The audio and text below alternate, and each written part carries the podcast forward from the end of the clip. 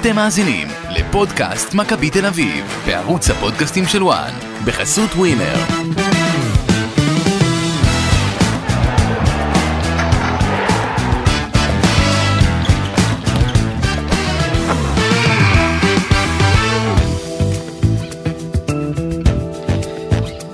פודקאסט מכבי תל אביב, אה, לסיכום אה, ההפסד לביתר ירושלים בחצי גמר הגביע, ואפשר להגיד גם אה, לסיכום העונה הזאת של מכבי תל אביב מבחינה ספורטיבית, נשארו שלושה משחקים חסרי כל משמעות, אין מאבק על אירופה, אין באמת מאבק על אליפות, וכך נגמרה לעונה של מכבי תל אביב.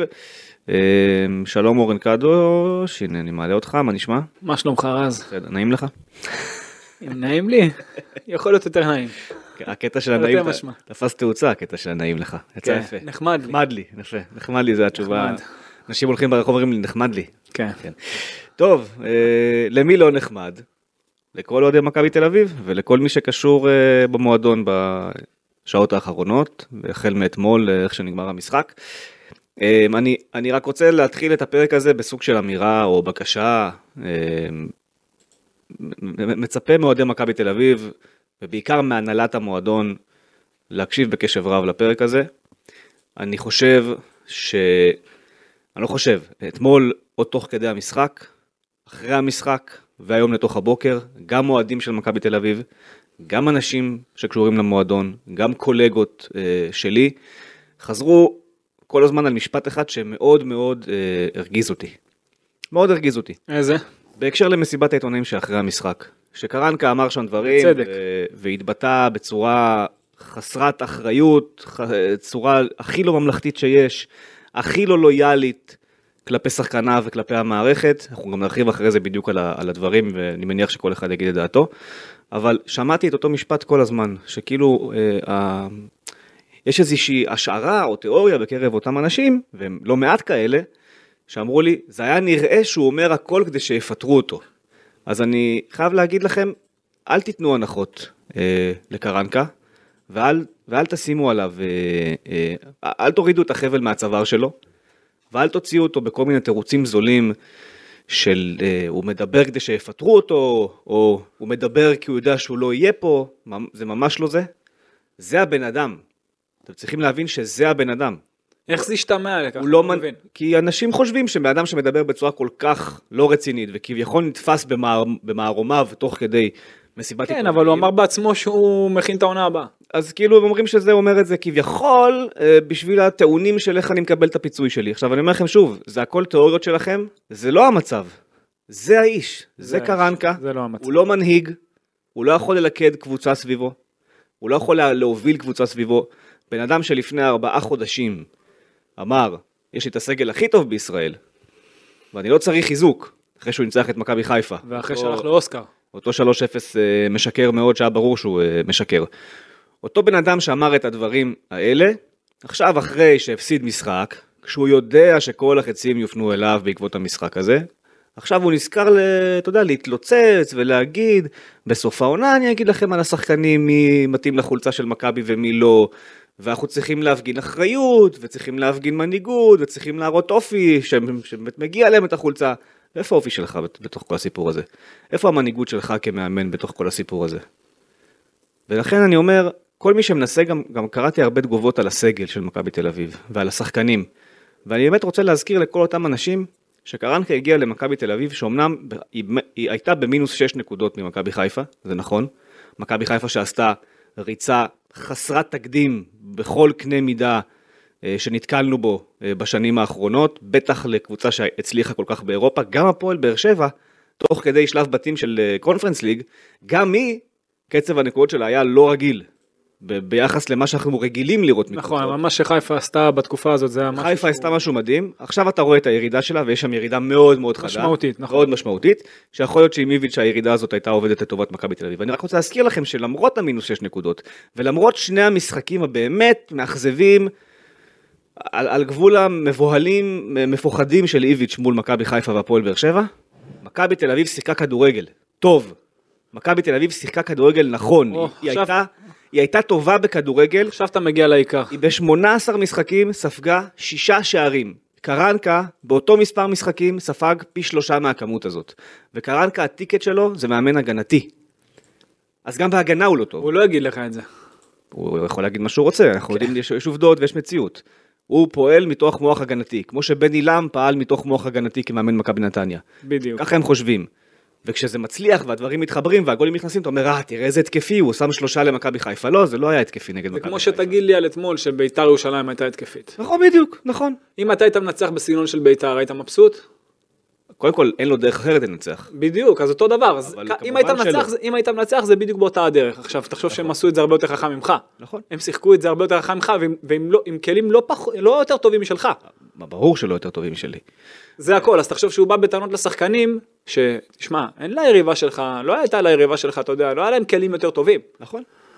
אז אה, איך אתה בא בטענ- בטענות הללו, וחוץ מזה, קודם כל תסתכל על עצמך, וגם, אתה יודע, בשלב כזה של משבר, אתה יודע, במרכאות, או בתקופה לא טובה, או אחרי תוצאה לא טובה, זה ממש לא הזמן לבוא ולפרק את השחקנים שלך. נכון, עכשיו אני אומר עוד, עוד יותר מזה.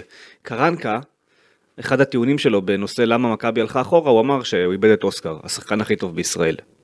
עכשיו, מספרית, ושהתחלף המאמן, הוא אמר. נכון, שזה נכון. מספרית, אוסקר אצל איביץ' היה מקום עשירי בהיררכיה. נכון, לא שיחק מספיק. מקום עשירי בהיררכיה, נכון. אוסקר. זאת אומרת שעם איביץ' ובלי אוסקר באמת, עם אוסקר כחצי שחקן, עדיין מכבי תל אביב הייתה ההתקפה הכי טובה בליגה, ההגנה הכי טובה בליגה, שיחקה כדורגל, היו משחקים באמת מתסכלים, קריית שמונה, נס ציונה, משחקים שהם באמת, הם, הם באמת קשים, הם היו קשים כי זה נגמר בלי ניצחון, אבל הקבוצה הגיעה ל-90 מצבים בשני המשחקים האלה. אז, ואתה חוזר לדרך. ואתה חוזר... הדרך, הדרך, היא- זה מה שחשוב. נכון. היא החשובה. אין בעיה, תפסיד פה ושם, תוציא את התיקו פה ושם, אבל הדרך היא החשובה. אתה, אתה לא נראה טוב. אתה לא נראה טוב גם כשניצחת משחקים את מכבי חיפה ואת הפועל באר שבע, אתה לא נראה מספיק טוב. ולכן הפרק הזה מטרתו לבוא ולהראות את uh, מה שאני חושב שצריך להראות לכולם, שזה אומר בעיקר קודם כל למיץ' גולדהר, ג'ק אנגלידיס וברק יצחקי, הם השלושה שצריכים את הפרק הזה לדעתי יותר מכל האחרים. מה שראיתם מקרנקה במשחקים נגד הפועל ירושלים, מכבי נתניה, ביתר ירושלים ואשדוד, שזה ארבעה משחקים שבאו לך גם ברצף אחד אחרי השני, זה קרנקה, אנחנו נראה לכם את זה תוך כדי הפרק, אנחנו נסביר לכם מקצועית בלבד למה זה המצב, ולמה זה גם לא ישתנה גם אם תשים סביבו עוד שבעה שחקנים נכון. חדשים, שכולם יהיו יותר טובים מהקיים. כנראה. ייראה אותו הכדורגל. הכדורגל יראה אותו כדורגל. אותו הכדורגל, וכל התירוצים האלה והבלופים שהוא מנסה למכור, חבר'ה, סיפורים זה יפה לספר שאתה כותב אחרי הקריירה. לא עכשיו בזמן אמת שאתה מאמן קבוצת כדורגל. ואתמול במסיבת העיתונאים, כשאני שואל אותו בעצם, אמרתי לו, אני שאלתי אותו, אחרי שהוא דיבר על הקטע של על האחריות, ללבוש את החולצה של מכבי וכל הדברים האלה, אמרתי לו, דיברת על השחקנים, אבל איפה אתה? האם אתה ראוי להיות מאמן מכבי תל אביב? אז הוא אמר לי שכן, ונתן את התשובה שלו. מה ההמשך של התשובה? המדויק זה שהוא אמר שהוא ראוי להיות במכבי תל אביב, שהוא עובד על העונה הבאה, הוא שוב הדגיש יש לי חוזה לעוד שנה, אני יודע מה צריך לעשות, יודע מה צריך לשנות, יודע? יודע איך אנחנו צריכים לשחק, הוא לא פירט את הדברים כמובן. אז למה זה לא קורה עכשיו? לא, עכשיו... היה שחקנים שלא מספיק אז לא מספיק טובים? זה משהו אחר, אני שאלתי אותו בתגובה לזה, אמרתי לו, אוקיי, אז אם אתה האיש הנכון, ואתה בתוך המעמד שלך כמאמן ואיש שחווה דברים בכדורגל העולמי, האם ראית אי פעם בקריירה שלך קבוצה שמנסה להניע כדור ולהיות יוזמת ודומיננטית עם שני קשרים באמצע מול שלושה? האם אי פעם נתקלת בדבר כזה שקבוצה מנסה להיות דומיננטית כשהיא בחיסרון מספרי באזור שבו היא שואפת להיות דומיננטית? ובתגובה לזה, במקום לענות בצורה רצינית, נו. הוא אמר לי, הנה, אבל היום 50 דקות שיחקנו בלי ערן זהבי, והיינו עם מספר 10. אז עניתי לו בתגובה, כן, אבל אתה לא משחק עם מספר 10 אף פעם, אתה לא מתרגל באימונים, הוא לא חף שק עם 10 דרך אגב. לא משנה, אתה לא מתרגל שיטה כזאת בשום שלב. אבל הוא- באימונים, אבל הוא הכניס שחקן שהוא לא מספר 10 לעמדה מספר 10. נכון, באימונים אתה לא מנסה בכלל לשחק עם מספר 10, גם באימונים אתה לא עובד על זה. האימונים של קרנקה ביום שהוא, שהוא בא זה 4-4-2 מול 5-3-2 או 5-4-1, זה מה שהוא מתרגל. כביכול כדי לדמות יריבות. הוא לא מתרגל בשום שלב את המערך הזה, גם לא כתרגול של הקבוצה המתנגדת כביכול באימון. אז על סמך מה אתה רוצה שהם יהיו טובים? שמה, שהם, יעלו, שהם ינחשו עכשיו את, את, את, את ההוראות? שהם ינחשו איפה כל אחד צריך לעמוד? ואחרי זה שני איך הוא היה נראה? כל אחד עמד על השני. כל אחד דרך על הזה. ובחצי- גבי דרך על, פרפה, פרפה דרך על דן ביטון. ומה בחצי הראשון? גם אותו דבר. זה לא משנה איזה מערך הוא ישחק, הכל יהיה צפוף. יפה. אז, נגיד לכן, 4-3-3, 4-2-3-1, אז בתגובה לזה, 4-5, לשאלה הזאת, לא משנה מה, הכל צפוף, רוחב רחבה. אז בתגובה לשאלה הזאת, והנה יש פה את הקטע עכשיו, זה בסוף מסיבת העיתונאים, זו שאלה אחרונה במסיבת העיתונאים. אני מפציר בברק יצחקי, ובג'ק אנגלידיס, ובמיץ' גולדהר, כי קרנקה ואני מדברים באנגלית באותו רגע, אז גם יכולים להבין בלי תרגום. דברים כמו שהם. לכו תראו את הקטע הזה, ולכו תראו איך הוא ענה. אתה יודע איך הוא ענה לי? נו. הוא ענה לי, אה, אתה יודע מה קורה באימונים? אמרתי לו, כן. אה, מישהו אומר לך מה קורה באימונים? אמרתי לו, כן, אני יודע מה קורה באימונים, אומרים לי. אה, אוקיי. אז אה, אה, רק שתדע שיכול להיות שאולי פשוט אין לי אה, מספרי 10 מספיק טובים, ולכן ככה זה נראה. רגע, הוא נתן את התשובה, שבעצם אומרת, תשמע, תפסת אותי. הוא אמר, הוא, הוא נפל באותו, כל מי שהיה בחדר, אמר, הוא, הוא כאילו, הוא נתפס בשקר ואין לו מה לעשות עכשיו. רז, היו לו שני שחקנים מספר 10 על המגרש. היה לו הכל, רגע, יש לו הכל. רגע, רגע, זאת לא, זה לא משנה. גם אם עכשיו הוא היה שם את אחד מהשניים. כן. את ביטון ואת פרפה על המגרש. אף אחד מהם לא היה 10. ברור. שם את גבי שהוא לא 10. זה אחד. דבר שני, גם אם הוא ישחק באמת עם 10, גם אם הוא היה מזיז, אנחנו נגיע לזה, למה גם ככה זה לא יכול לעבוד? ברור שזה יכול לעבוד. גם ככה זה לא יכול לעבוד. זה לא משנה. יכול לעבוד אם תשחק, אם תאמן את זה בצורה נורמלית. הוא- אבל זה הקטע, שזה לא משנה מה, זה יהיה צפוף, כולם דורכים אחד על השני. נכון. זה לא משנה, גם אם הוא ישנה מערך. בדיוק. גם אם הוא הוציא את החלוץ שאתה מדבר מה עליו זה כל כך גם, הוא. שינה מערך. גם, הוא שינה מערך, נכון, אני אומר גם אז, זה הכל תלוי יכולת אישית דרך המרכז. הכל. נכון. אוקיי, עכשיו בוא, בוא ניגע במשחק של אה, אתמול, ב- ב- מה שראינו. אני רק אוסיף לפני שתתחיל, שבפודקאסט הקודם אמרתי שביתר עולה. אתמול ברדיו אצל אופירה אמרתי שביתר עולה.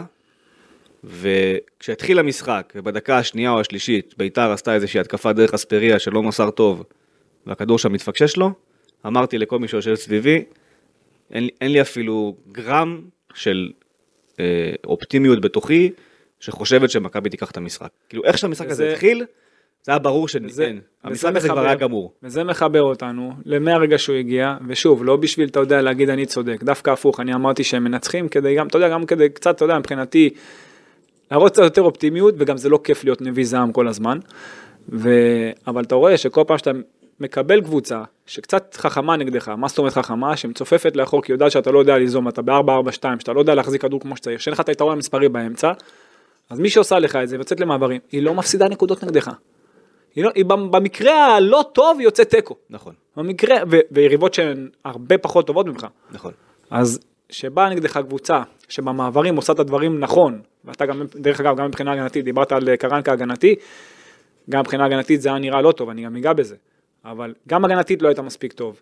התקפית, כמובן, כמו כל הזמן, אז כשבאים נגדך עם קצת חוכמה, זה חושף אותך באמת בכל, בכל ההיבטים שאתה מראה לך איך אתה לא טוב. אתה ראית בדקה הראשונה מול הפועל ירושלים, וגם בדקה הראשונה מול ביתר ירושלים, שאין שחקן אחד על הדשא שיודע מה הוא צריך לעשות. שיודע מה ההוראות, מה העמדה שלו. איך, איך הוא אמור לשחק עכשיו. אתה ראית את זה. אתה ראית עדר של 11 שחקנים, שחוץ מדניאל פרץ שתפקידו זה לזנק לכדור, ולכן התפקיד שלו הוא מובנה, הם לא יודעים מה הם צריכים לעשות. הם לא יודעים מה הם צריכים לעשות, ואתה יודע איפה זה נהיה קיצוני יותר, וכמה זה גם נהיה מביך עבור קרנקה? בשנייה שערן זהבי יצא, כאילו הפכת להיות קבוצת שכונה. הלחץ לא, לא, אין, לא היה כלום. תיאום בלחץ. כאילו ערן זהבי הוא זה שמנחה את כולם. הלחץ לא היה הוא היה קיים כביכול, כן. אבל בלי תכלית. זאת אומרת, לא הצלחת להביא כדור אחד, קריאף עשה לך בית ספר בחלק האחורי. זאת אומרת, ה- ה- הוא השורה שלט באמצע, אתה יודע, כאילו, כאילו האמצע שלך לא קיים בכלל. השורה התחתונה שלי שערן זהבי מעבר ל-20 גולים שלו בליגת העל, אוקיי, מעבר ל-20 גולים שהוא מחזיק אותך על הגב שלו כבר תקופה מאוד ארוכה, הוא למעשה כל הקבוצה הזאת. הוא זה שמוביל את הלחץ, הוא זה שמכוון שחקנים תוך כדי משחק על הדשא, הוא זה שמחלק להם את, ה, את הכיווני מסירה, את האופציה, הוא פותח להם כיוונים תוך כדי המשחק כדי שיהיה להם לאיפה למסור את הכדור, וכשהוא לא עושה את זה, ועל הדשא עולה גבי קניקובסקי לעמדה ששוב היא לא עמדה שלו, וזה גם לא קשור, זה לא משנה בכלל. אתה אשכרה רואה קבוצה, ששחקנים מסתכלים אחד על השני בבהלה, כאילו, מה אני אמור לעשות עכשיו? וגם מבחינה- מה, מה אני עושה עכשיו? מה, אני לוחץ, אני לא לוחץ, אני מחכה, אני לא מחכה, אני בא לקבל, אני לא בא לקבל, הם לא יודעים. ותחשוב- עכשיו, למה הם לא יודעים? למה הם לא יודעים? למה הם לא יודעים? נו. כי כי לא מאמנים אותם. הם לא מאומנים, מי- קבוצה לא מאומנת. אין מי שיכוון אותם, אתה רואה את זה גם מבחינה התקפית, דיברת על ערן זהבי, אבל גם ערן זהבי, כשמחכים לו נמוך, אין להם פתרונות, אין למכבי תל אביב פתרונות. כי אין לו מה, הוא יעבור את כולם עם הכדור לבד. נכון, אז אתה רואה אותו פעם אחת מנסה לעשות את. הדריבל הזה, וזה לא מספיק. עכשיו, עוד פעם, בוא... אני גם רוצה להחזיר אותך עוד משפט אחד, שהוא משמעותי ואז תגיד מה שאתה רוצה. בפרק נגד, לא בפרק, סליחה, ביום שקרנקה מונה עשינו פרק. ואני שאלתי אותך את השאלה הבאה. מה, הם ישכחו להניע כדור? מה, הם תוך שבוע לא ידעו לעשות צירופי התקפה? מה, אתה לא, תוך, ש... אתה תוך, לא ש... האמנת לי, אתה תוך שבוע שוכח איך עושים בילדאפ? לא האמנת לי. ואמרת לי, ברור שזה לא שהם ישכחו, ברגע שאתה לא מתרגל איתם את זה ביום יום, הם לא, הם לא יעשו את זה, זה לא נשאר ש- בתוך ה... כאשר אין דרישה כן, יומיומית על הסנטים, על הפעולות, זה נעלם. נכון. כל שחקן, כל בן אדם, אוקיי, עכשיו בעבודה שלך, אוקיי, עכשיו דורשים ממך לעשות כתבה כזאת וכזאת. ביום שלא תהיה דרישה בכלל, לא יגידו לך כלום, שום דבר. תאמין לי שהכל ייראה פחות טוב. ככה זה עובד. ככה זה עובד אצל שחקני כדורגל, ככה זה עובד בעולם עצמו. אם, אם לא תהיה דרישה מעליך לעשות את הדברים כמו שצריך, אז זה לא יתנהל כמו שצריך. וככה זה נראה. עכשיו, בוא נדבר קצת על אתמול מבחינת, אתה יודע, מבחינת כדורגל. בית"ר ירושלים, אתמול, עם יתרון מספרי באמצע, שלושה מול שניים, נכון? מכבי לוחצת גבוה, את בית"ר ירושלים. עכשיו, בית"ר ירושלים היא קבוצה שמנסה להניע כדור, לא, למה אתה לוחץ אותם גבוה? כי אתה לא מבין כדורגל. אז אם הם משחקים נגדך ישיר, בדיוק. זה המצב, מה? עכשיו תחשוב שאתה ובית"ר ירושלים שיחקתם אותו דבר, מערך שונה, כן. אותו דבר. כאילו מבחינת, אתה יודע, משחק ההתקפה שלך בכוח קדימה לסיים את ההתקפות מהר, שניכם בנויים על התקפות מעבר. הם עם שני חלוצים ואתה עם אחד. והם- אתה עם אתה שני חלוצים והם עם חלוץ אחד. אתה עם שני קשרים והם עם שלושה. סוג של שלושה אפילו. כן. סוג של שלושה בהתקפה. כשהם הם תוקפים, כן. בדיוק. אבל תחשוב שהם מנסים לסיים את ההתקפות מהר, אבל הם גם יכולים לייצר התקפות. למה? דרך משחק ההגנה שלהם, שהם מחכים נמוך, נכון. אז יש שטחים בין קו ההגנה לשוער, הם מזמינים אותך לצאת קדימה, כן. הקו הגנה שלך איפה עומד? כבר בחצי או יותר גבוה במקרה הטוב, לפעמים זה גם אפילו יותר נמוך, זה אפילו יותר טוב, לפעמים אני גם ארחיב למה. ואז כל חילוץ, אתה יוצא, אתה יודע, עם הפנים קדימה ויש לך שטחים קדימה לעומק. כן. על אספריה, ניקולסקו, שואה עם המסירות שלו. מצד שני, אתה לוחץ גבוה, זה לא רק פוגע בך הגנתית שהם בכלל לא מנסים לשחק, הם דוחפים את הכדורים מהר קדימה. כן.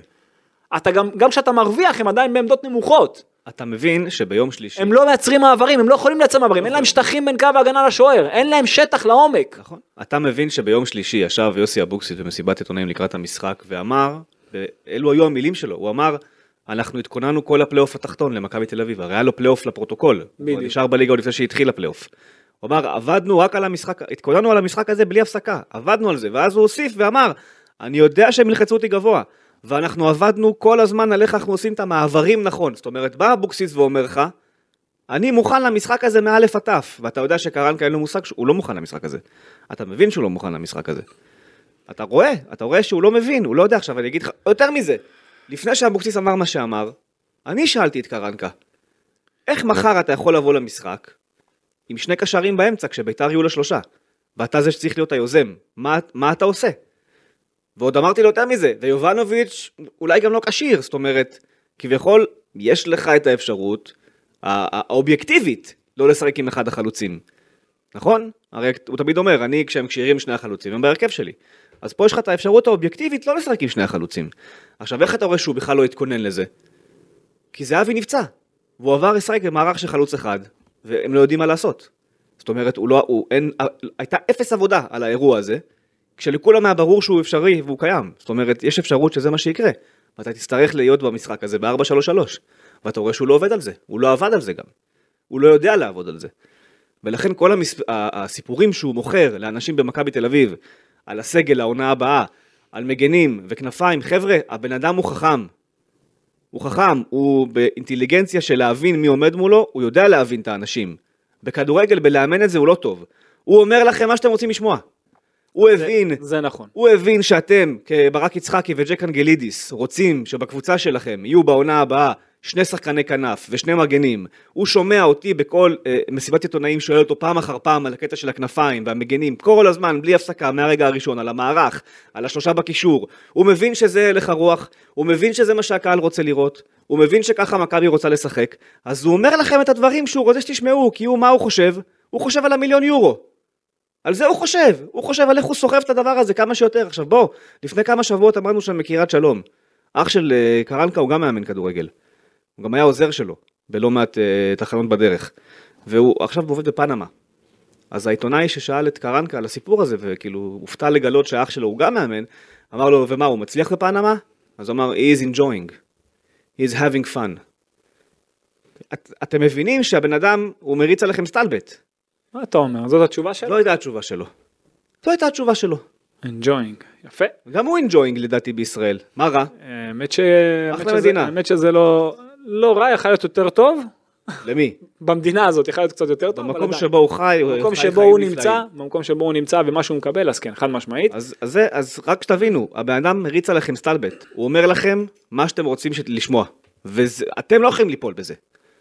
אתם, אתם כמכבי תל אביב, אבל זה לא מעניין מה הוא אומר. לא יכולים ליפול. אבל רז, די, נכון. זה- לא מעניין מה הוא אומר. ברור שזה לא מעניין מה הוא אומר, אבל אתה, אומר. אתה אני- אומר את זה לי כאילו אני מחליט לי- מי יאמן לא, במכבי. לא, לא, לא. מי שמחליט במכבי על, יש- ה- על סוג המאמן, מקשיב. לדברים האלה. יש לנו. אני מאמין למה שאני רואה. אז אני, אוקיי, אם אתה מאמין למה שאתה רואה, גם במכבי תל אביב ההנהלה צריכה להאמין למה שהיא רואה. אתה, בוא נגיד ככה, מעבר עד לתוצאות. עד אתמול, סגנון. סגנון, זה מה שאתה רוצה עד לראות? אתמול לא היה ספק לגבי הישארותו של קרנקה. והסגנון היה אותו סגנון. והעיניים ראו את אותו הדבר בדיוק. עוד פעם, אני לא, אני אף פעם לא אגיד לפטר מישהו כזה או אחר, אבל אני יודע שהדרך היום היא לא טובה. הדרך מקצועית, לא היום, מהרגע שהוא הגיע. כן. זה לא השתנה פתאום. יפה, וזה גם לא ישתנה. אתה יודע מה העניין? שגם, אתה יודע, אני חוזר ואומר, זה לא משנה כמו שאמרת, זה לא משנה איזה שחקנים יגיעו. לא. באמת זה לא משנה. שוב, ברור שאם אתה תהיה בפער איכותי יותר טוב לא, מהיריבות לא רק שלך, שזה לא משנה, אתה תשאיר פה נזק עתידי בסגל לעוד שנה של תיקון. זה לא הכדורגל שאתה רוצה לראות. נכון. נקודה. גם, אז אני חוזר ואומר, בוא נחזור אחורה, היית מנצח את המשחק בסגנון של ביתר, היית מרוצה? היית מרוצה כי. עלית שלב, ברור שלא. אבל זה לא הסגנון שאתה רוצה לראות במכבי תל אביב. ברור שלא. מכבי. תל אביב תחת קרנקה לא, תח- לא תצליח. לא יכולה להצליח, וכל יום שהוא יהיה במועדון מעבר ל-22 במאי, הוא, הוא אסון עבור המועדון הזה. אוקיי, תמשיך. אתה אמרת. עכשיו בוא, בוא, בוא נחזור שנייה למשחק. ביתר מבחינה הגנתית בשונה ממך לא לוחצת גבוה, אוקיי דיברתי על זה, מחכה בשליש המרכזי, לפעמים היא קצת, אה, ירדה קצת יותר לאחור ואז נוצרו לה שטחים למעברים שזה עבד לה טוב גם בשער הראשון אני אגיע לזה. עכשיו בהתחלה ביתר היא יצרה את היתרון המספרי באמצע גם מבחינה הגנתית, היא, ידע, היא עמדה ב-4-5-1, אוקיי, קווים, עכשיו העניין שהיית, הם היו ב-4-5-1 ואתה ראית, אנחנו דיברנו על זה בפרק, שאנחנו רוצים לראות, אתה יודע, את הקשר האחורי, שלוחצים אותם שניים, את מכבי החלוצים, אנחנו רוצים לראות את הקשר שירד מדרגה אחורה. עכשיו, זה היה או פרץ או גלאזר, עכשיו שהם ב-4-5-1, יש לי שאלה לך, צריך, צריך לרדת קשר אחורה? סליחה, עוד פעם? כשהם ב-4-5-1 הגנתית, בית"ר ירושלים. אה, אוקיי. בואו בוא נדבר כדורגל שנייה. כן, כשהם ב-4-5-1, אוקיי, הגנתית. כן, כן. עזוב שאחר כך הם שינו את זה ל-4-4-2, הם שינו את זה, אני גם אגיד עם מי, עם תומש, הוא יצא קדימה. אבל כשהם ב-4-5-1 הגנתית, קשר אחורי שלך צריך לרדת אחורה? לא. בדיוק, למה? כי אתה מאבד את כל האפשרות שלך לייצר יתרון. נכון, יש לך- יש לך מספיק יתרון של שניים מול אחד, יש לך שני בלמים מול אחד.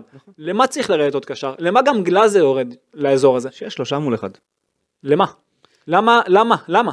למה שלא... אתה גם ככה עם שניים מול שלושה באמצע. גם ככה. למה שירד עוד קשר אחורה?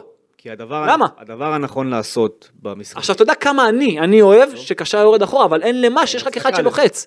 רק אחד לוחץ, לא שניים. אם הם לא עומדים נגדך עם 4-4-2, אין למה לרדת אחורה. נכון. אוקיי, אחרי זה כבר יצא עוד שחקן שלהם קדימה, ואז זה בסדר, אבל אבל עדיין, אתה- אבל עדיין, למה גלאזר הוא יורד בין הבלמים? אבל אתה שואל את זה כאילו זה לא קרה גם נגד זיו אריה ונגד מ"ס אשדוד ונגד קוז'וק ונגד סכנין ונגד הפועל תל אביב. זה, זה קרה, זה קורה כל העונה.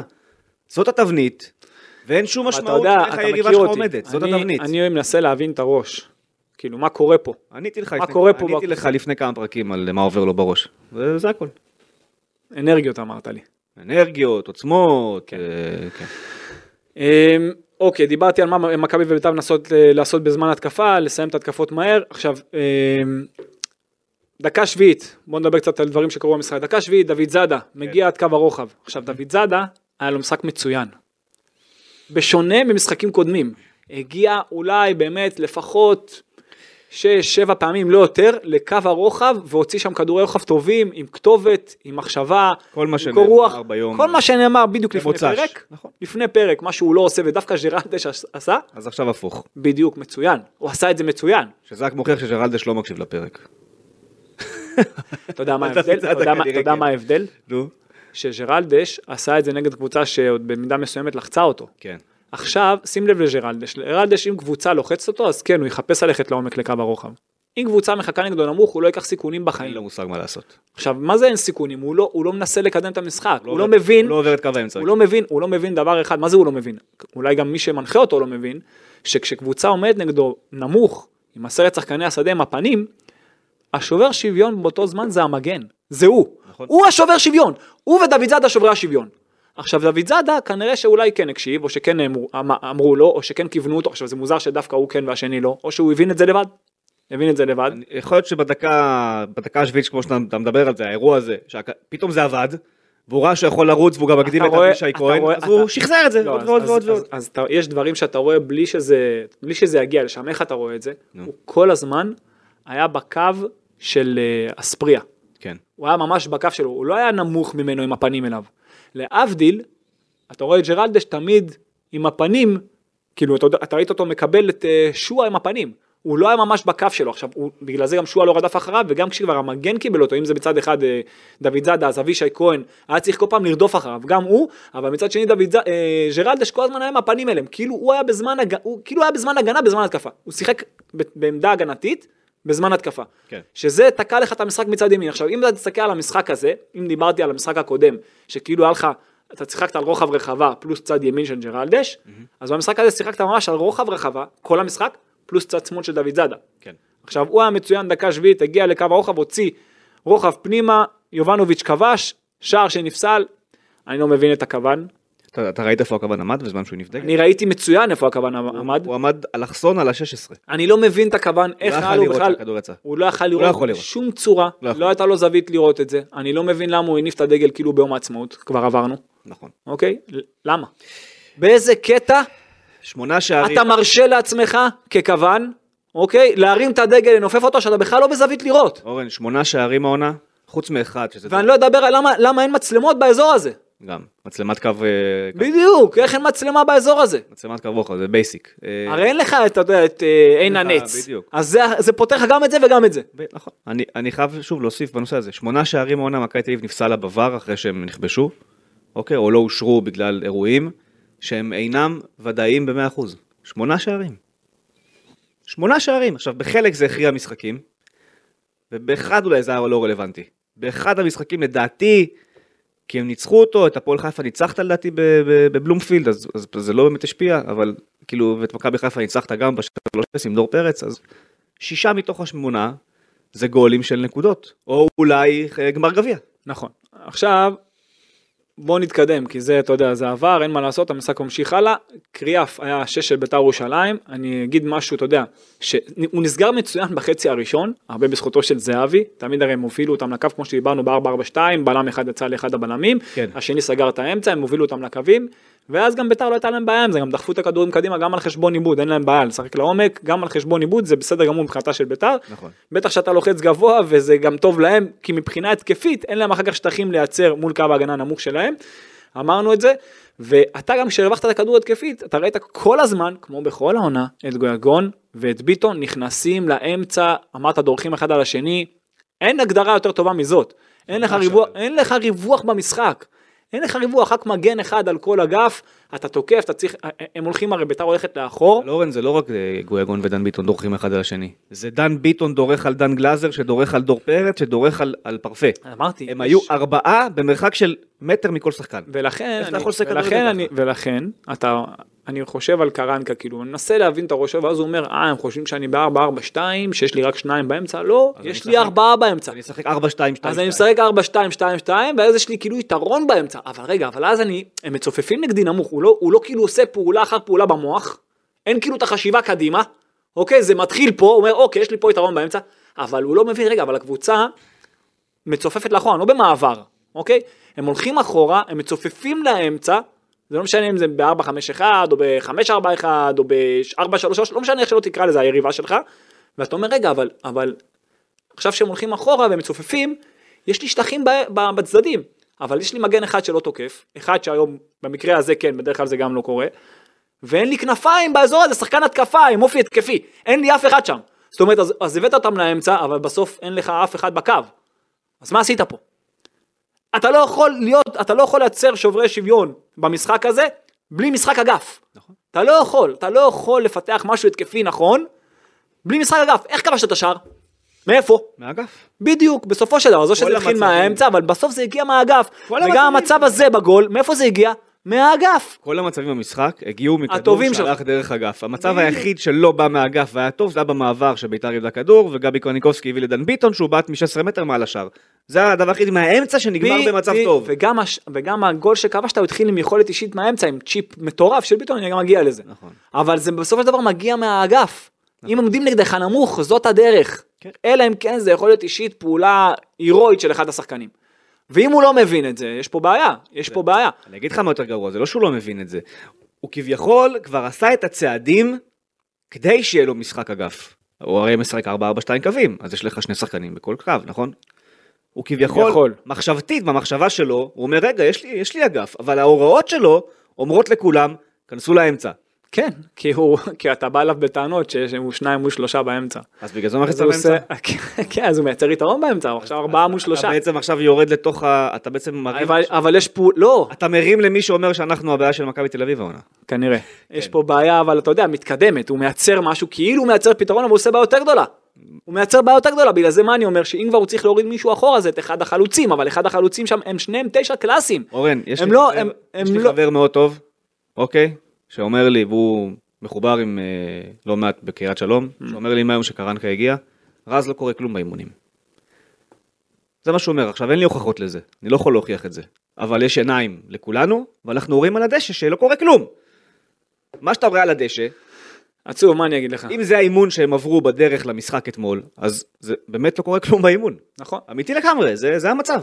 יאללה, בוא נתקדם במשחק כדי שנתקתק אותו, רק את האירועים בוא הספציפיים. נתמקד על הדברים בדיוק. הדרמטיים. דקה 22 שתי מתפרצות טובות של ביתר שפרץ קולט, דקה 24 עוד התקפה בית"רית שסבורית מרחיק לאמצע, היה כדור ארוך, סבורית מרחיק לאמצע.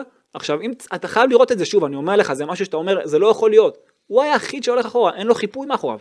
אתה רואה את דוד זאדה, לוקאס סנג'רדש, כולם, כולם גבוהים ממנו. לא יכול להיות כדור ארוך, שחקן בא לנגוח בראש, אם עכשיו זה נוחת לו מאחוריו. נכון. עכשיו, אם יש שחקן איתו. אין דבר כזה שהוא היחיד שהולך אחורה, הוא כאילו היה המחפה של כולם. זה, זה נגד המשחק. היה מחפה של עצמו. בדיוק, זה, נ- עכשיו מה קורה, הוא גם נותן קדימה, ש- אה, דוד זאדה נופל, וזה מגיע לאספריה עם שני מצבים שם, היה לך הרבה מזל, הוא נתן שם פצצה יפה, אבל פרץ קראת את זה כמו שצריך. עכשיו, דיברנו הרבה, שניים באמצע, שלושה באמצע, במשחק שאתה אמור ליזום, אני חייב לומר לך, אני ראיתי אתמול, גלאזר. גלאזר מאוד מתקשה כשהוא צריך לקדם את המשחק נגד הגנה שהיא צפופה. אתה ראית אתמול שהוא הרגיש הרבה יותר בנוח בשפת גוף שלו, שהכדור היה אצל בית"ר. כשהכדור היה אצל הקבוצה שלו הוא כאילו, הם כולם הרגישו יותר נוח שזה היה אצל בית"ר. לא, הוא וג'רלדש. הוא וג'רלדש. רובם לדעתי. הוא וג'רלדש במיוחד, אבל הוא ספציפית, אני אומר לך שהוא צריך לנווט את המשחק, אם כבר הוא קשר באמצע באחד מתוך שניים, שני אחוריים, אתה ראית שהוא כאילו העדיף שהכדור, כשהקבוצה, שהכדור אצל ביתר, אז שם הוא הרגיש יחסית בנוח מבחינה הגנתית. מבחינה התקפית הוא כאילו פחות רצה לקבל את הכדור כמו שצריך, הוא לא רצה לקדם, הוא לא חשב איך לקדם את המשחק, הוא חשב איך לא, איך לא לעשות טעויות, המניע שלו היה הגנתי במוח, כן. אתה מבין? במקום לחשוב איך הוא, איך הוא פורץ את ביתר, כן. אתה מבין? וזאת הבעיה. בוא נעבור לגול של בית"ר. גול דקה 32, דוד זאדה מגיע טוב לקו הרוחב, אה, הוא מופעל אה, הפעם דרך אה, סבורית, שקודם לכן הוא הופעל על ידי גויגון, אה, חיפש את זהבי כמו בשער שנפסל אה, של יובנוביץ', הוא מפסיד במאבק ודגני מוציא מתפרצת לתומה. עכשיו, גלאזר לא שומר על האמצע, עכשיו דיברנו הגנתית, התקפית, גלאזר, בסיטואציה הזאת, עכשיו אתה רואה שכבר מתפתחת מתפרצת, אה, מה הדבר, אני שואל אותך עכשיו שאלה, אתה הרי לא מאמן כדורגל, אבל שתדע, אם עכשיו יוצרים נגדך מעבר עם ספק יתרון מספרי, מה השחקני ההגנה שלך אמורים לעשות באותו רגע? עכשיו, א', אה. אתה- זה מבחן אמריקאי. אין. יאללה, כן. לא, לא, אה, ש- ש- שתי, שתי תשובות, מבחן חצי אמריקאי. בדיוק. אוקיי. א', לצאת מיד, לתקוף ללחץ. את השחקן עם הכדור, אוקיי. ב', לברוח אחורה ולחכות בעמדות. אך, ב'. יפה. עכשיו, מה שקרה באותו רגע, גלאזר בחר. גלאזר בחר לצאת מהר לתומה. עכשיו, באותו רגע שהוא יצא, אין לך גם אמצע. זהו, נגמר לך הקישור, גם, אה, גם אה, דור פרץ לא עמד ממש בעמדה, הם עמדו ממש יחסית גבוה. מלכתחילה אתה שניים מול שלושה שם. בדיוק. סליחה, הוא יצא לדג- לדגני. עכשיו, ברגע שהוא יצא לדגני, ישר העביר את זה לתומה, תומה לבד. עכשיו הוא יוצא קדימה. עכשיו, גם הקו האחורי שלך, בזמן התקפה, עד שהכדור היה את זה דוד זאדה, אוקיי?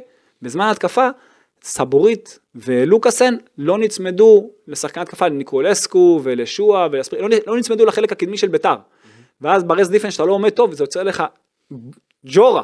כן. אוקיי, זה יוצר לך חור גדול בין, ה... בין החלק הקדמי שלך לחלק האחורי, ולכן היה להם שטח לצאת למעבר. כן. ואז תומה רואה את אה, שועה מצד ימין, אוקיי? ומה שהיה יפה בהתקפה של ביתר, אני אחמיא פה לביתר, שניקולסקו היה גם בצד ימין, ואז הוא עשה את התנועה לרחוק. הוא עשה תנועה לרחוק, הוא משך גם את סבורית איתו. איפה המגן השמאלי שלך? אין מגן שמאלי. הוא הלך להרים. נכון? הוא הלך להרים. יש לך עוד מישהו איתו על הקו? לא. היה מישהו ברז דיפן שיסגור את זה? לא. יפה. מי שרואה את המהלך הזה, היינו בפסח לא מזמן, פסח נגמר. תומה היה בני ישראל בים סוף. פתאום נפתח הים לשניים, והופ, כן. רוץ באמצע. יש קבוצת התקפה, רוץ באמצע. יש קבוצת התקפה ויש קבוצת הגנה. עכשיו, לך שים גול. הטעות הייתה שבכלל, אתה יודע, שגלאזר יצא לדגני, הוא היה חייב לברוח אחורה ולהאט אותו. לגרום לו לחשוב. מה הוא עשה? שהוא יצא מהר, הוא גרם לו לפעול מהר. תלך אליו, תוריד אותו באמצע, תקבל צהוב אפילו. זה במקרה, אתה יודע, אם הוא מצליח להגיע אליו, אבל לא, לא לצאת אליו. עכשיו ענית על זה אתה. לא לצאת אליו. לא, לא לצאת לדגני. לך, עם בדיוק. לך אחורה. תחשוב כבר מה קורה אם עוברים... טוס. אחורה, טוס לברוח אחורה. אתה אמרת לפני כמה... לברוח אחורה, להיות עם הפנים. עכשיו אני אגיד לך עוד, משהו. גם עכשיו קבוצת הגנה עם קו 4 וקו 2 של קשרים, אוקיי? זאת אומרת שישה שחקנים עם הפנים, קשה לפרוץ את זה אם הם חוזרים אחורה בזמן והם בעמדות. אין לך מה להתבטל ככה ולפרק את כל הקישור. עכשיו, מכ- מכבי של קרנקה בכל משחק, כשיש לה כשל באמצע, אין, אין, זהו, נגמר. מכאן אתה מתפלל. כמה קשרים יש לך? לא משנה. מישהו שמר לך על האמצע? לא, אני אומר, מכבי תל אביב של קרנקה, מהרגע שהוא הגיע, יש לך שני קשרים באמצע. זאת הבעיה. יש לך... גם הגנתית זאת הבעיה, לא רק התקפית. נכון. שחקן אחד כשל, זה- ברוך השם הם עושים לא מעט כשלים באמצע, מאז שקרנקה הגיע. שחקן אחד כשל, זהו, מפה אתה צריך להתפלל. נכון? זהו, נגמר הסיפור. עכשיו ניקולסקו משך יפה וזה, שם. רגע, שנייה, וזה אימון, זה מאמן. זה מאמן, כי הוא משחק ככה, לא אני ולא איביץ', הוא משחק ככה, זה מאמן, וזה לא ישתנה גם אם יהיה לך עוד מספר 10, כי איפה המספר 10 יהיה? איפה שזהבי איבד את הכדור. זה לא ישתנה. זה הסגנון, זה מאמן שלא יודע לאמן כדורגל ברמה הזאת למכבי תל אביב. הוא יכול לאמן קבוצות קטנות. הוא יכול להיות מושלם לאשדוד. עכשיו אני חייב להחמיא לתומה, גם הגנתית גם התקפית, הוא עשה את הפעולה, נתן לשועה, ואז יש הרבה שחקנים שבסיטואציה הזאת, הזאת נותנים את הפס ונתקעים, כאילו עשו את שלהם. כן. הוא המשיך את התנועה קדימה, הקדים שם את פרץ יפה, עזוב שהיה לו את היתרון עליו. עשה שם תנועה טובה לעומק, סיים בצורה נפלאה גם שועה עם הורדה יפה, 1-0 בית"ר ירושלים. אה, היו לא מעט עיבודים דרך האמצע כי זה מה שיש לך למכור, אה, ביטון במיוחד, המון עיבודים דרך האמצע אבל זה סגנון המשחק שלך, אמרת דורכים אחד על השני, זה תוצר הוא לוואי. גם היה לא טוב. היה גם לא טוב, אבל שוב, זה תוצר לוואי של סגנון המשחק שלך. אוקיי, זה לא משנה גם מי תוצר ישחק. לוואי והוא גם לא טוב. נכון, אתמול היה לא טוב. גם הגיע ללא מעט מצבים והיה לא מספיק טוב. הוא מוסר כדור עם... דקה עושה לו שוער 39, אה, כדור גובה, אה, רגע, סליחה, דקה 41. סבורית נותן לגלאזר שעם הגב למגרש באמצע, 30 מטר מהשער שלו, הוא גם מזהה שהוא יכול לבוא עליו פרס, סבורית נתן לו את זה בכל מקרה, והוא גם רואה למי הוא נותן, שקשה לו, אתה יודע, להסתדר עם הכדור כמו שצריך, קריאף, קולט את זה, מחלץ לאספריה, ושוב, יורה שם ועוד פעם אחת נוגח. אתה, היה לך שם המון מזל שלא היה שם 2-0. דקה בוא נעבור לגול. 44, בדיוק שם אני הולך. גול, פרץ, נותן לביטון, אוקיי, שנותן דרך, וזה הכל קורה דרך האמצע. ואז נותן צ'יפ מדהים. לדוד זאדה, לא- גם לא היה שטח כל כך בין קו ההגנה לשוער.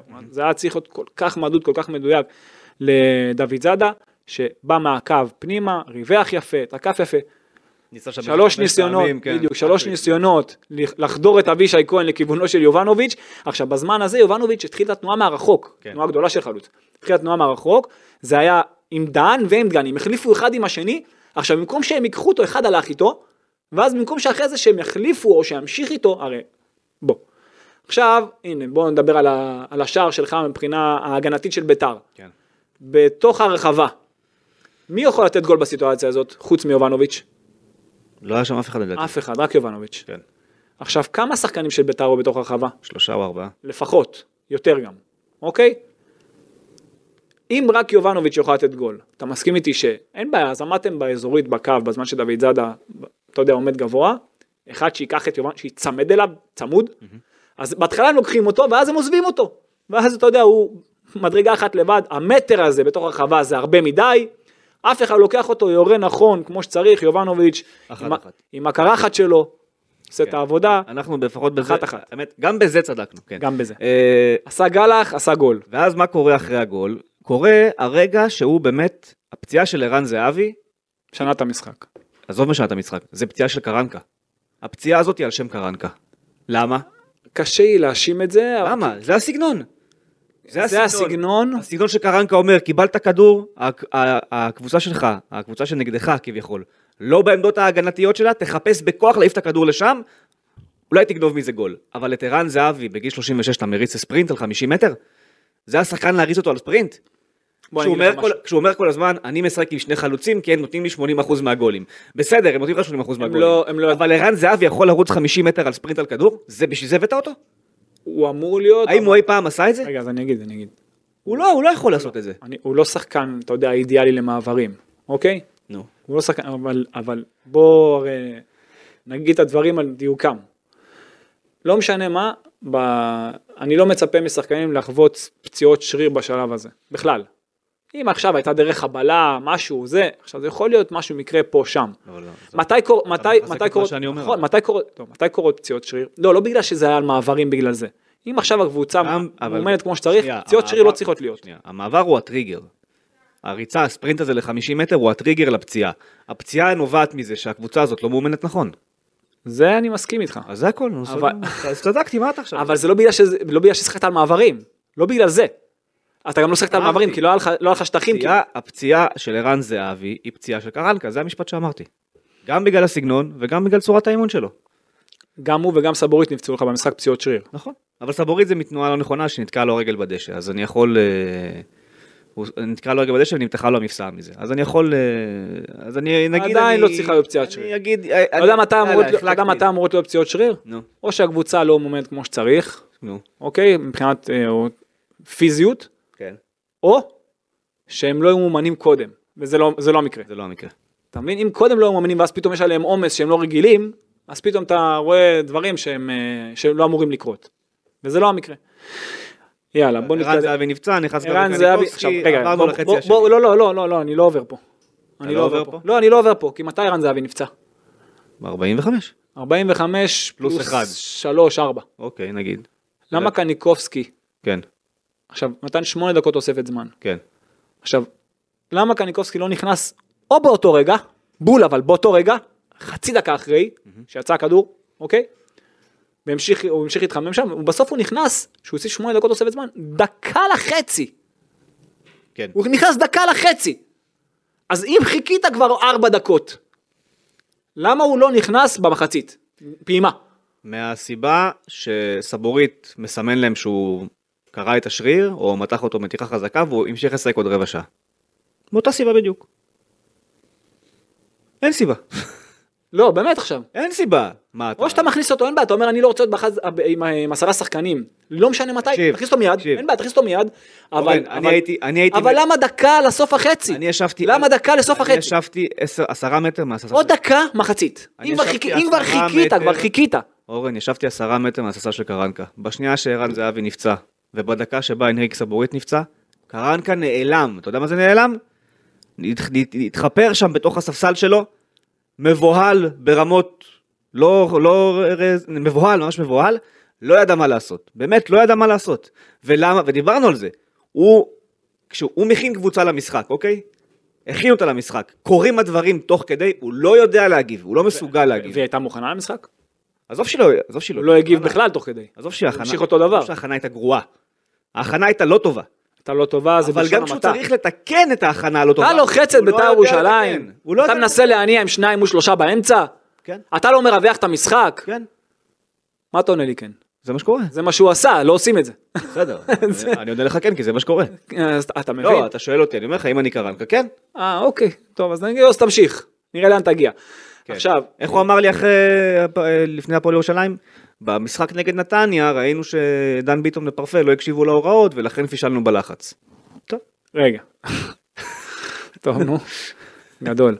אה, נכנס גבי קניקובסקי, נכנס לעמדת מספר 10. שזה, אוקיי. שיש לך כבר שני מספרי יש לך שני. מספרי 10 על המגרש. כן. למה כ-10? ואם כבר הכנסת אותו לאמצע מצוין, אני בעד, יופי. כן. שים אותו 50-50. שחק עם אחורי אחד, בדיוק, שחק עם אחורי אחד, ועוד שני 50-50 באמצע. יותר מתאים לו. הוא לא, הוא, לא, הוא לא טוב בלקבל עם הגב, זה פחות בשבילו. נכון. שוב, אני מחזיק ממנו כשחקן, אתמול זה לא התפקיד שלו, וגם בלחץ של השני חלוצים למעלה, הרי מבחינה הגנתית, הוא היה ביחד עם יובנוביץ' למעלה. הוא יודע לעשות לחץ של חלוץ, איך להוביל, איך לסגור, הוא יודע אחרי זה לסגור את הקשר האחורי. למה הוא עשה את זה מתישהו העונה? עכשיו, הוא גם לא עשה את זה. כנראה שגם לא אמרו לו לעשות את זה. בדיוק. לא, גם, גם לפני שהוא נכנס, או במחצית, אוקיי, הוא, הוא נכנס למשחק, במחצית לא הסבירו לו כמו שצריך, כי מה קרה? פתאום, מאז שערן זיאבי יצא, קריאף משתלט על כר הדשא. כן. קריאף שולט באמצע בכל רמה חבריו. קזמירו. קריאף, מה זה קזמירו? וראטי. קזמירו. וראטי, עקבים, זה, מרגיש בנוח, נותן, יתרון מספרי קל, יפה מאוד. קל. מבין, יש תגובות של אוהדים ברשת שאומרים, קרן כזה, הוא מאמן לא טוב, הוא מאמן לא פה, הוא מאמן לא שם, אבל גם הסגל הזה גרוע. לא תשכנע אותי בעולם, אף אדם, איש מקצוע, או אוהד, או לא מי שזה לא יהיה, יש צריך לשכנע אותי, שאופיר קריאף ותמיר עדי טובים בכדורגל יותר מדור פרץ ודן גלזר. לא תשכנע אותי בזה. לא משנה מה תגיד לי. וגם לא מיוריס ונוברים, וגם לא מאייל גולסה, וגם לא מגבי קניקובסקי, ולא מריקן. וגם לא מאווירי כאן, וגם לא מאיזה עוד קשר יש לך בקבוצה. לא משנה מי תגיד לי, אפילו אם חוזז ישחק קשר, לא תשכנע אותי שהם יותר טובים ממנו בכדורגל. בכדורגל, בנטו כדורגל, לא תשכנע אותי. כן, עכשיו אה, בוא, בוא, ואני לא רוצה להעליב לא את קירה ולא את אמיר עדי, זו דעתי. לא יותר טובים מהם בשום צורה בכדורגל. בגלל זה אני לא רוצה להיכנס לזה, כי אני לא רוצה לפגוע באף אחד חלילה, אבל... אבל יש להם פודקאסט בית"ר שירימו להם. כן, אבל אה, מכבי תל אביב ברגע שהוא נכנס, זה אמרת 4, 2, 3, 1, שום דבר, זה אותם עמדות, כולם דורכים אחד על השני, באמצע, צר, לא ראית עדיין, לא את געגון, ולא את אה, מצד שני את ביטון, אף אחד מהם לא מרווח את המשחק, אוקיי? אז אין בעיה, אתה עכשיו עם עוד קשר באמצע כביכול, בחלק היותר קדמי, זה היינו הך, זה אבי, זה אותו דבר מבחינתי. ולכן, כשאנחנו אומרים, גם אם קרנקה אומר ששחקנים אחרים ישנו את התמונה, הם לא ישנו את התמונה, כי הוא ישחק איתם בדיוק ככה. ואני חוזר ואומר, כולם יצופפו לתוך האמצע, הכל יהיה תקוע, כבשת, קבוצה לא תצליח לעשות שום דבר, רק על יכולת אישית. נכון, כבשת, אם אתם רוצים שהיא תעשה רק על יכולת אישית, אפשר גם לשים מישהו אחר בתפקיד המאמן, אפשר גם לשים את ברק יצחקי כמאמן, הכל בסדר. כבשת שני לא שערים, בשביל זה אתה מביא מיליון יורו למאמן. כבשת שני שערים שאחד נפסל. כן. לא, אמרנו את זה בפוד הקודם ושלפניו ושלפניו ושלפניו. ושלפניו ושלפניו שלפניו ושלפניו. מהרגע שהוא הגיע. כן. לא תשכפל את האירועים הטובים שלך? לא. עוד פעם אומר לי. לא, מה, אתה שואל שאלות ש... לא תשכפל את הגול שעשית? התשובה היא לא. אם אתה קרנקה, התשובה היא לא. אוקיי. אם אתה קרנקה כאילו שאתה עונה לי. אני אגיד לך שלא משנה מה כן. אם אם מישהו בעולם הוא קרנקה, התשובה היא לא. כן, אוקיי, יאללה. חצי שני, עכשיו שלושה מול שלושה באמצע כביכול, אוקיי, אבל זה עדיין 4-4-2 מבחינה הגנתית, ואמרתי, קניקובסקי יוצא קדימה לבלמים, זאת אומרת, הוא ויובנוביץ' לוקחים בלמים. אף אחד לא לוקח את קריאף, הוא עושה מה שהוא רוצה. דקה 46, דוד זאדה מרווח את המשחק, נותן לפרפה 14 מטר לאחסונים בתוך הרחבה, מחפש את הפינה הרחוקה, היה מצב מצוין לשער, יצא שם החוצה. עכשיו, מכבי תל אביב ממשיכה בלחץ גבוה, ודיברתי על התיאום, ושוב, המון עיבודים דרך המרכז, דקה 52, גויגון, בועט מרחוק סתם במקום לייצר עוד פעולה, דקה 61, ביטון סתם יורה מרחוק, דקה 69, אני אומר את זה בכוונה ממהר את הכל, מהר, אתה מהר. 69, תגיע גויגון- לחילופים. גויגון בפראות, אחרי שמקבל מדוד זאדה טוב, דוד זאדה מצוין, אמרתי, דקה 74, שוב דוד זאדה מוצא את פרפה, במקום למסור- במקום למסור ליובנוביץ' שהיה בעמדה הרבה יותר טובה, מנסה מהר קדימה. דקה 53, ביטון אחרי מעבר טוב מקבל מגבי, מה שדיברת, איך חזרנו ל-53? כי דיברתי על מלא מצבים אה, כאלה אוקיי. של, אה, של סתם אה, דחפו את הכדורים מהר קדימה שבעטו מהר סתם מרחוק. אוקיי. נתן ל... מקבל מביט, מגבי ש... וביטון חותך יפה למרכז, יורה, לא מוצא את המסגרת, זה היה מצב מצוין. כן. יכולת אישית, חתך יפה מהימין מהאמצע, פנימה. בדיוק, הכל קורה דרך האמצע. דקה חילופים, דקה 64, ניקולסקו יוצא, פריידי נכנס, עדי יוצא, עזאיה נכנס, החילוף של פריידי גם ניצח את המשחק. בדיוק, פיבן. פיבן נכנס במקומו של סבורית בגלל הפציעה, או, או, הגעת לרגע שחיכיתי. ונורברהיים נכנס ונוברהיים. במקומו של גלאזר. תראה, ונוברהיים, עכשיו רגע, גלאזר לא היה טוב, נכון, היה צריך לצאת. גלאזר לא היה טוב. איפה אבל- גולסה? בדיוק, איפה? ונוברהיים, ונוברהיים נכנס נגד הפועל ירושלים, אוקיי? נכנס נגד הפועל ירושלים. עכשיו, נגד הפועל ירושלים, הייתה מסיבת עיתונאים אחרי המשחק, ואני ראיתי את הרגע הזה קורה מול עיניי. ואני אני, אני גם אמרתי למי שלא זוכר מי היה לידי באותו רגע, לדעתי זה היה רדד הצלם שלנו, אמרתי לו אוי ואבוי, אוי ואבוי מה שקרה פה עכשיו. שאלו אותו על ונוברהיים, שאלה שכביכול הרימה גם לוונוברהיים, ליוריס. ואתה ראית בתשובה שלו, לפי איך שהוא ענה, היה לי ברור שהוא על הדשא נגד בית"ר. באמת, איך? הוא ענה תשובה שלו, הוא אמר, הוא נותן 120% מעצמו, והוא זה, והוא פה, והוא שם, וככה, וככה, אמר מה שאמר, החמיא לו ברמות מטורפות. איפה ראינו את פעם קודמת? דן ביטון. שאלו אותו על דן ביטון אחרי הפועל חיפה, נתן תשובה דומה, מאותו רגע דן ביטון פתאום. חזר אותה רוטציה. מוטיב עכשיו- חוזר אתה אומר. כן, עכשיו הוא הכניס את ונוברהיים, מוטיב חוזר. עכשיו שים לב מה קורה פה, אוקיי? שים לב מה אני ראיתי. ביטון אז הוא צדק, פה זה... עזוב, זה- גם במשחק עצמו ונוברהיים, למרות שהוא לא, שוב, אני גם לא מאשים אותו, האיש עושה כדורגל שנה שלמה, בדיוק. אבל הוא, לפחות היחיד שהזיז את הכדור לצדדים זה הוונוברהיים. היחיד שניס, שמבין, מבין מה קשר צריך לעשות, אבל יאללה. וזה נטו על אינסטינקט שלו כשחקן. נכון. אה, כל מבחינה טכנית יותר טוב, אבל שוב, לא היה צריך להיכנס. נכון, אני אספר לך מה אני ראיתי. גולס היה בכושר לא רע. הוא גם פותח את צובר, הוא פתח נגד הפועל ירושלים. אני לא מבין את זה. אף אחד לא יכול להבין את זה. אני, רוצה להחזיר אותך לנקודה שבה ון אוברים עומד בקו האמצע ומה אני ראיתי, אוקיי? נו. עכשיו, הפרק מצולם, וגם אה, אופק פה המבואס שרוצה ללכת הביתה יכול אה, לחתוך את זה. חושב כבר על איך היום זה נגמר בשבילו. אה, יום חמישי גם, שמע. אני רוצה שהוא יחתוך את הקטע ואז הוא היה לפי תנועות הידיים, תבינו מה, אוקיי? מה קורה מאז שקרנקה הגיע ודיברנו על זה? מי מחלקים את ההוראות לשחקנים שעולים מהספסל? טוריחו. טוריחו וחואן פבלו המאמן שוערים. נכון? אוקיי. שזה- מאמן כושר ומאמן השוערים שהם אנשי צוות קודמים של מכבי תל אביב, שוער עבר של מכבי תל אביב, העוזרים שהוא הביא לא עושים כלום. אוקיי? אבל- אבל ככה זה גם נראה. העוזרים שהוא הביא לא עושים כלום. בזמן המשחק. וככה זה גם- יושבים מול ה... ככה זה גם נראה. שמאמן כושר נותן את ההוראות. אוקיי, ומאמן שוערים. אבל יאללה, אוקיי? אני רוצה, אני רוצה רק להסביר לך מה אני ראיתי, ושכל אחד ייקח את זה לאן שהוא רוצה. אוקיי, שחר פיבן מקבל הוראות מטוריחו לפני כניסה. אוקיי. ונוברהיים עומד עם פה, הנה כוס, הנה זה, זה שחר פיבן, זה ונוברהיים, הוא עומד פה, אוקיי, אוקיי? וקרנקה זה היד שלי, אוקיי. סבבה? כן. קרנקה מסתכל על הדשא תוך כדי, מבוהל, לא מבין מה קורה. ככה זה היה נראה. ואז הוא מסתכל שמאלה ורואה את אה, ונוברהיים עומד לידו, שם עליו את היד ומתחיל לחלק לו הוראות. חואן פבלו, שעומד מאחורי קרנקה, בא עם, ה... עם ההוראות שהוא צריך להעביר לוונוברהיים. רואה איך קרנקה שם את היד על ונוברהיים, מסתובב לספסל ועושה ככה. אוי, דיוס מיוס. נו באמת. ככה. יענו במילים אחרות, פספסתי את הרכבת. אכלנו אותה. לך. עכשיו הוא קיבל את ההוראות מקרנקה, אה, אז יש פה גם... אה, טוב. זה- זה מה יש. ככה אני פירשתי את זה, ככה אני ראיתי את זה. אני ראיתי בן אדם מסתובב, כאילו הוא ראה עכשיו תאונה מול העיניים אתה שלו. בטוח שזה היה על זה, לא משהו שקשור בדשא, על זה? אני אומר לך שהוא בא לשים את היד על, על ונוברהיים כדי להעביר אותו הוראות, קרנקה מקדים אותו עם היד, הוא עושה ככה כמו מרוץ שליחים שהוא הפסיד. ומסתובב. הפסיד במרוץ שליחים. מסתובב מבואס מהחיים, כאילו הוא ראה עכשיו תאונה מול העיניים. הוא הפסיד במרוץ שליחים, כאילו. כן. ככה נראה. בדיוק. כמו בריצת... לא אה, תפסת... כמו בארבע כפול מאה, שאתה מחכה עם היד ככה, כן, ככה, לא- לא אה, לא תפסתי. ככה הוא היה נראה. במילים אחרות, אני פרשנות אישית שלי, זה עכשיו אני אומר, לא מה חואן פבלו אומר, פרשנות אישית שלי, הוא הבין עכשיו שנגמר המשחק. כי המאמן נתן את ההוראות אני לקשר, חושב שזה נגמר... ולא חואן פבלו. אני חושב שזה אתה מבין מה אני אומר לך? זה נגמר עוד קודם. עזוב, אתה מבין מה אני אומר לך אבל? כן, כן, אני איך. זה נראה? כן. אז שיבינו גם במכבי תל אביב מה חושבים על האיש. ככה זה, הרגיש אתמול. אני ראיתי אתמול את חואן פבלו כאילו הוא ראה רוח רפאים. מאי, אני חייב לראות את זה. זה, אני לא יודע אם צל- לא יודע אם צילמו את זה. אני הקלטתי, אני אראה. לא, אני לא חושב בזמן החילופים נראה לי שהייתה שם אתה מצלמה. לא יכול לראות אבל את התגובה של חואן פבלו, לדעתי. אני חושב שכן, כי ראו אותו מדבר איתו, אני אסתכל על זה. אוקיי. אני אסתכל על זה, זה מעניין אותי. יאללה. טוב, בקיצור, יאללה בוא נגיע לגול של ביתר כי זה כבר... רגע פיבן נכנס לא טוב, היה גם עוד מצב טוב לשועה שקצת ברח לו מהרגל, אתה יודע, מול שוער. דקה... ג'רלדה, סליחה, דיברתי עליו. אוקיי, דקה 89, בוא ניגע, בוא ניגע בגול ישר. אוקיי. קוליבאלי, אה, קוליבאלי יוצא קדימה. קומן. אה, אה, אה, לוקאסן. בקנבאואר. לא, לוקאסן. בקנבאואר. קומן. כן. כן. עכשיו עזוב, אני שנייה רוצה רגע לעצור. אבל עם בקנבאואר, לא שהוא היה גאון, די, ועם- ועם קומן, כן. היה שם ריווח יופי. אני רוצה שנייה, לפני שאנחנו... עכשיו, קוליבאלי-. קוליבאלי זה, אתה יודע, זה בהלצה- זה לא בטוב. זה הזיה, כן. נכון. הוא היה עושה דברים הזויים בסוף. ותראה מה קים עושה.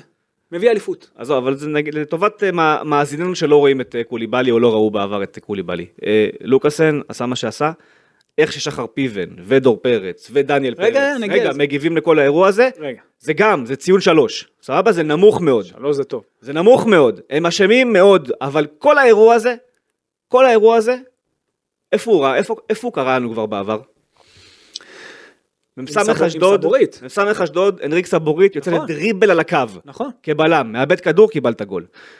לוקאסן, מכבי חיפה, אחת אחת בבלומפילד, חיפה פתאום עושה לחץ גבוה, נכון?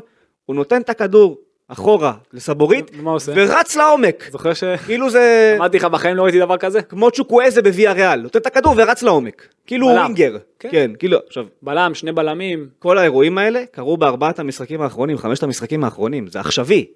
עכשיו, מה, מה אני בא להגיד? זה האם אימא של הלא מאומן, אוקיי? למה? כי אם הוא עשה את זה נגד חיפה, אתה מדבר... ואף אחד לא העיר להם על זה, וסבורית עשה את זה נגד אשדוד, ואף זה אחד לא מעיר להם על זה, קורה באימון. אז הם יעשו את זה גם נגד בית"ר זה בדקה קורה, זה קורה באימון קודם, זה לא ברור. יכול להיות שפתאום זה קורה. עכשיו דקה 89, דקה 89. אתה עוד דקה בדקה 90, הולך אחת אחת. אתה לא טוב רגע, גם, תראה, תראה כמה לא דברים, טוב. תראה כמה דברים שאתה לא, לא מבין כאילו מבחינה מקצועית, כאילו, אתה, איך, איך זה קורה. דקה 89, אחת אחת. אתה מקבל גול, אתה, אתה יודע, אתה הולך הביתה, אתה לא נותן גול, סבבה, יש לך הערכה, יש לך מספיק זמן, אתה יודע, הכל בסדר, דקה 89. נכון. מה זה הדריבל הזה קדימה? עכשיו, אתה יודע שהם לא מאומנים? כי אתה ראית גם ש... שפיבה נכנס, אתה ראית שגם הוא, גם, עזוב שהוא לא נכנס הכי טוב וקצת... נכנס גרוע מאוד פיבן. כן, אבל אתה רואה שהוא, גם, גם כשהוא לא נכנס טוב, אז הוא מנסה בכוח בחורים. עכשיו אני אומר, אצלי מבחינתי, אוקיי, שחקן הגנה, זאת אומרת בקו האחורי, אוקיי? או אפילו קשר שיורד אחורה. אין כוח בעולם, לא שהוא עושה דריבל באזור המסוכן, לא זה, זה ברור. אפילו פס בחור, שהוא יודע שהכדור בספק עובר, שלא יקרה. שחק יותר בטוח באזורים שלך. כן. אז דריבל, אז הוא יוצא קדימה בדריבל, כבר עברת אוקיי. שלושה שחקנים גם. הצלחת עוד לעבור, עכשיו, עכשיו עומד לו בקו שמאל עד שכבר ריווח, עומד לו גויגון משמאל, הוא מנסה בכוח דרך, דרך המרכז, הוא כאילו ביתר, אתה רואה את ביתר, עזוב שעברו שם, אני גם, אני, יודע, יש- אני מצד שני, כאיש מקצוע, אני אוהב שגם בלם יוצא נגדי ככה קדימה.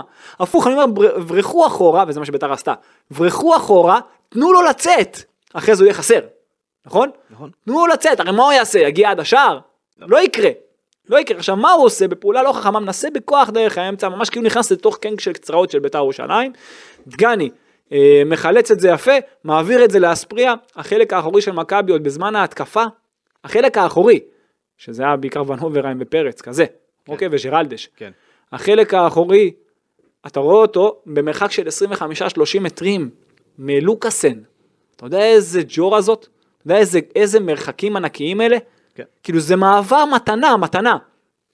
עכשיו, מאספריה יוצאת המתפרצת, מעביר את זה לשועה משמאל, שנותן בנגיעה לעומק לפרייר, עכשיו הוא מקבל את פיבן מולו, פיבן אה, כביכול מנסה להאט אותו, אבל הוא לא סוגר לו את האמצע.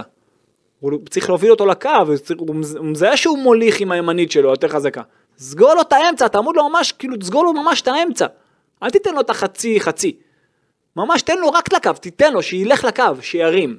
אוקיי, זה מתפרצת, תן לו ממש ללכת לקו, לשמאלית שלו. הוא ממש נותן לו את האפשרות איכשהו כן ללכת לאמצע, נותן לו בין הרגליים, עובר גם בינו לבין פרץ, ועכשיו תראה את ההזיה העוד יותר גדולה, שגם שפיבן הרי הוא קצת מאט אותו, עכשיו אל תגיד פריידי עשה איזה יציאה מהמקום, משהו שאתה אומר מה זה. הוא הלך עשה. עשה יציאה, נתן יציאה קטנה, אבל איפה החיפוי בהגנה? אין הגנה. איפה, לא, עכשיו, כשפיבן יוצא כבר, או קצת האט אותו, אז אתה מצפה מדוד זאדה, ומ... שם ונוברהיים, אתה מצפה שתרדו מדרגה אחת אחורה, שאם הוא עובר אותו בטעות דרך האמצע, איכשהו, אז שאחד אחר יצא אליו. אז הוא עובר בינו לבין פרץ, נותן שם שפיץ בין הרגליים של פרץ השוער. 2-1 בית"ר ירושלים, באמת שער שכל כולו, גם המרחקים, גם הטעות הזאת של לוקאס, אני לא מבין מה- באמת מה הוא עשה שם, עכשיו תגיד לי, אה, פעם זה, פעם זה, מבחינה אישית, לא. הדברים הללו לא קרו אצל איביץ' בכלל, אולי הייתה פעם אחת של פס לא טוב אז של סבורית, שהוא ניסה להניע בכוח תחת הלחץ של מכבי חיפה. לא קראו אצל ון לובן. זה לא, זה לא קורה, זה לא אמור לקרות. זה לא קרה גם אצל וידיגל. עכשיו זה לא רק בדריבלים, גם המסירות, עוד פעם אני חוזר, גם המסירות בכוח דרך האמצע, שלא יקרה. אורן זה לא קרה גם אצל וידיגל, אוקיי? המכבי הגנתית לא הייתה כזאת מופקרת, לדעתי בשנים האחרונות, אולי אצל קרסטייץ' עם היהלום, שהוא היה באמת הזיה, לא היה. אצל ויד- אצל וידיגל זה גם היה נראה לא טוב. וידיגל בסוף כן, כי זה כבר דקה, היה מת, אבל דקה 90, דוד זאדה וביטון יוצאים, תורג'מן ואלמוג נכנסים, אספריה יוצא, בורודי נכנס מצד שני, תורג'מן מגיע למצב. אלמוג מגיע למצב. על כל הפינה הקצרה, דקה 94. בוא, בוא נדבר על הדקה הזאת, אוקיי? עזוב שחלק אמרו, מה, זה הביזיון הכי גדול, אבל היה שם כמה אה, דברים. זה לא. זה לא, אבל לא, היה שם, היו שם דברים שאני, אי, אי אפשר לעבור על זה. אי אפשר לעבור על זה, אני אגיד לך למה. אז תעשה את זה ונסיים. כי שתיים אחת לך, ל- אה, לביתר ירושלים. אוקיי, שתיים אחת לביתר ירושלים. קרן לך. יש לך עוד דקה למשחק. כן. מה אתה מצפה שיהיה? הנה עכשיו סיטואציה, יש, זה גביע, אין לך, אין לך איך לחזור יותר. כן. מה אתה מצפה שיקרה? מה אני צריך לשמוע מהקרן? כן? קרן לך. נו, שכולם יעלו קדימה. נכון. כולם, כולם, כולל כולם. כולם יעלו קדימה. אוקיי, אז תקבל גול. כן. למה זה לא קרה? למה פרץ מאחורה ו... וג'רלדש מאחורה, מאחורה? תעלה את כולם! תעלה את כולם! תעשה בלאגן ברחבה. את כולם! תעלה את כולם! נכון. עכשיו, אתה יודע מה? גם אה, אלמוג, הוא זה שבעצם הרים את הקרן. ת, אתה לא מרים את הקרן עד שהם לא יוצאים קדימה. שתעשו, זה דברים קטנים, אבל בדברים הקטנים אתה, אתה מנצח משחק. ראית את באר שבע נגד מכבי חיפה? בדברים הקטנים אתה מנצח משחק. כן. תעלה, אין לך מה להפסיד, תעלה את כולם. עכשיו, מה קורה? פרץ, אה, אתה, אתה לא מבין למה, הם- למה הם לא עולים.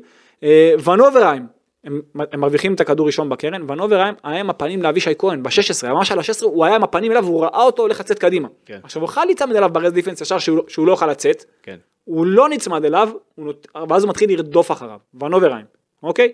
מתחיל לרדוף אחריו, אמ, ואז מגיע הכדור, אתה יודע, שמקפץ לו, ג'רלדש, לא, יש שופטים שהיו שורקים על זה, היה שם מרפק. יש שופטים שהיו שורקים על זה, יש כאלה שראית שלא, שלא. הוא גם לא עמד, אתה יודע, הוא עמד קצת על, אתה יודע, קצת אלכסונית, הוא לא עמד ממש עם הגב, ולכן אה, הוא יכל לו לשרוק את העבירה הזאת. הקדים אותו, הגיע מול פרץ, מקשיט מעל, עכשיו רק ון אוברהיים ממשיך בטיסה לאחור, כאילו מנסה לתקן את הטעות שלו, כן. רק הוא. כל השחקנים האחרים, אתה רואה אותם בריצה קלה, כאילו, בסדר, נגמר, אה, אתה רואה אותם. כאילו לא, לא, לא מתאמצים. נגמר. הולך עד הסוף, עושה 3-1 לביתר ירושלים, ובסופו של דבר הרעיונות ש... של קרנקה, מה שהוא אמר שם, שהוא אומר, ידענו שהם יותר טובים במעברים. למה לעזאזל לחצת גבוה שהם טובים במעברים? והנה עוד משפט לסמן. אם הוא ידע, ידעת כן. שהם טובים במעברים, למה לחצת גבוה קבוצה שיש לה רק מעברים? כל הגולים במעברים. תסביר לי למה אתה לוחץ גבוה קבוצה במעברים. כדי לתת להם לצאת למעברים. ואתה גם לוחץ גבוה שאין לך תיאום כשזהבי יצא, אתה רואה שפורצים לך את האמצע קל, אז אתה כבר תקלוט שאתה... ולכן... טובים עליך בכדורגל, בהנעת כדור, בחלק האחורי, אז אל תלחץ. אתה רואה זה לא עובד הלחץ, לא עובד, חכה אחורה. ולכן, המשפטים האלה, כמו ידענו שהם טובים במעברים, רגע. ואתה רואה הפוך שהוא עושה לדשא, כל הדברים האלה רק מחזקים את מה שאנחנו אומרים כל הזמן. האיש הזה לא יכול לאמן את מכבי תל אביב להצלחה, וזה לא משנה איזה סגל תביא לו, גם אם תקנה בקיץ את אצילי, רותם חתואל וחזיזה. אוקיי? לא תצליח עם המאמן הזה. הסגנון לא לא מתאים, תצליח. חד משמעית, הסגנון לא מתאים, ועוד משפט. כן. לא הייתה לנו איכות מקדימה, וכשאתה לא כובש אתה סופג. קודם כל יופי של קלישאה, אבל לא הייתה לנו איכות מקדימה, למה ביתר יותר איכותית ממך, אה. אבל הם ידעו דרך משחק הגנה לייצר מעברים. אתה שאתה בנוי רק על מעברים, רק על משחק עומק בכוח של יכולת אישית, אתה לא יודע לייצר את זה אפילו דרך משחק הגנה, אתה לוחץ גבוה. מה, מה עשית במשחק? הוא בא לא מוכן. הוא בא לא מוכן למשחק הזה, נקודה. כן. ואתה, ש, שמדברים איתך ככה, ואז אחר כך ברעיון, לפי מה שהבנתי ממך, הוא גם מאשים את השחקנים, הוא גם עשה את זה לפני כמה מחזורים, ושם הוא איבד את הקבוצה דרך אגב. אוקיי. ששחקנים כאילו, אתה יודע, הרבה מאוד מחקו אותו.